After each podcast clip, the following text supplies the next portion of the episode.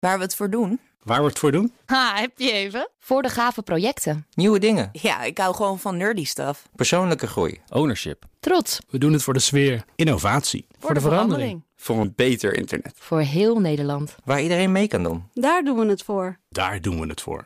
Waar doe jij het voor? Kom werken voor KPN en groei op jouw manier. Check de actuele vacatures op het gebied van data, security, development en networking op jobs.kpn.com/tech. Wetenschap vandaag. Groeit de oudste boom ter wereld in een ravijn in Chili? Eén onderzoeker beweert van wel. En wij gaan het erover hebben met wetenschapsredacteur Carlijn Meinders. Carlijn, hi. Hi. Is hiermee een andere oude boom van de troon gestoten? Ja, uh, de oudste levende boom die hiervoor bekend was, is een conifeer, een bristlecone pine. Hij staat in Californië op een geheime plek in een natuurpark en is meer dan 4800 jaar oud. 4800 ja. ja. En die geheime plek, dat is niet zo heel gek, want de oudste boom die daarvoor was gevonden, eentje van 4900 jaar oud, is in de jaren 60 omgezaagd door een enthousiaste nee. student.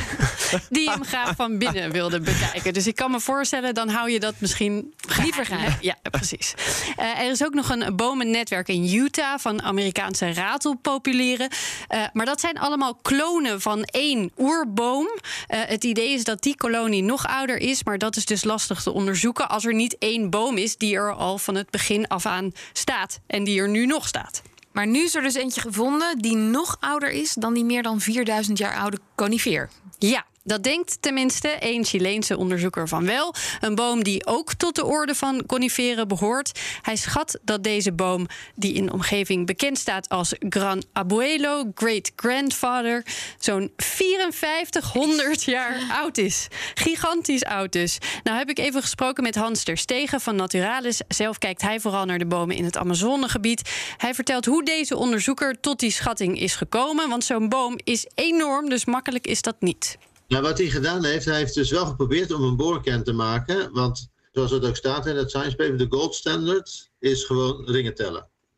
Want dan ga je ervan uit dat in de winter groeit hij minder hard dan in de zomer. Dus dan kan je ringetjes zien. En dan kun je ze gewoon tellen. En dan heb je gewoon nou, een bijna keiharde maat voor de leeftijd. En dat ging in dit geval, ging de boor er niet diep genoeg in. Dus er wordt een soort uh, appelboor ingestoken. En die haalt er een mooie cilindrische kern uit. En dan ga je tellen. En ik dacht, waar ze kwamen, ja, 3622 groeiringen. Maar ik kwam dus niet bij de kern. Nou, dat kun je dus meten, hè, want je, je kan zien uh, wat de diameter is van die boom. Dus je weet hoe diep je erin komt. En toen hebben ze met andere bomen en deze boom hebben ze gewoon gekeken wat zou dan de gemiddelde groeisnelheid zijn. En hoeveel ringen moeten er nog binnenin zitten. Ja, dan kwam je dus boven de 5000 uit. Ja, maar dan hebben we het dus nog wel over een schatting. Ja, uh, een deel is dus gedaan met modellen. Want die diameter die was 4 meter. 4 meter? ja, hij haalde het dus gewoon niet, niet eens tot die 2 meter tot de kern. Uh, en die modellen, dat is een beetje lastig. Die zijn nog niet gepubliceerd. Dus er zijn ook zeker onderzoekers die zeggen... ja, hoe eens even, ik wil eerst dat wel eens zien. En dan geloven we het pas. Maar dat dit bericht heel de wereld over is gegaan... en er ook een heleboel onderzoekers heel enthousiast van worden... zegt denk ik ook wel dat het zou kunnen kloppen... En de, de, hoogste boom is overigens gevonden met LiDAR, met laserpulsen vanuit de lucht. En die is meer dan 80 meter hoog. Ongelooflijk.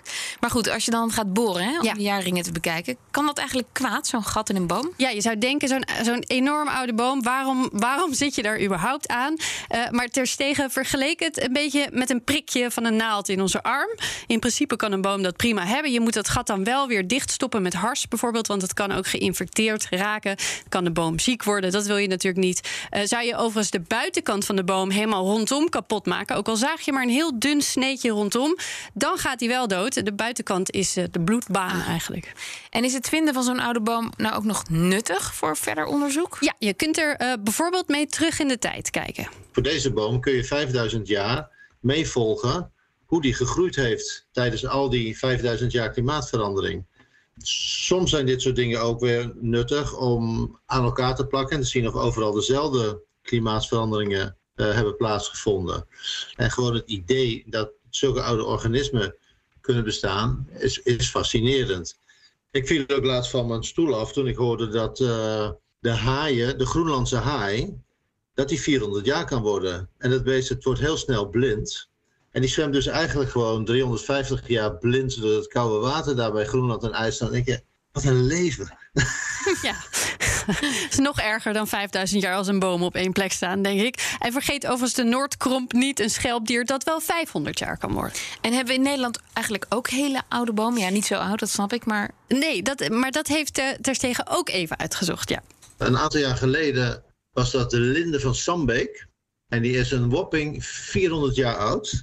dus dat is nog geen 10% uh, van die boom uit Chili.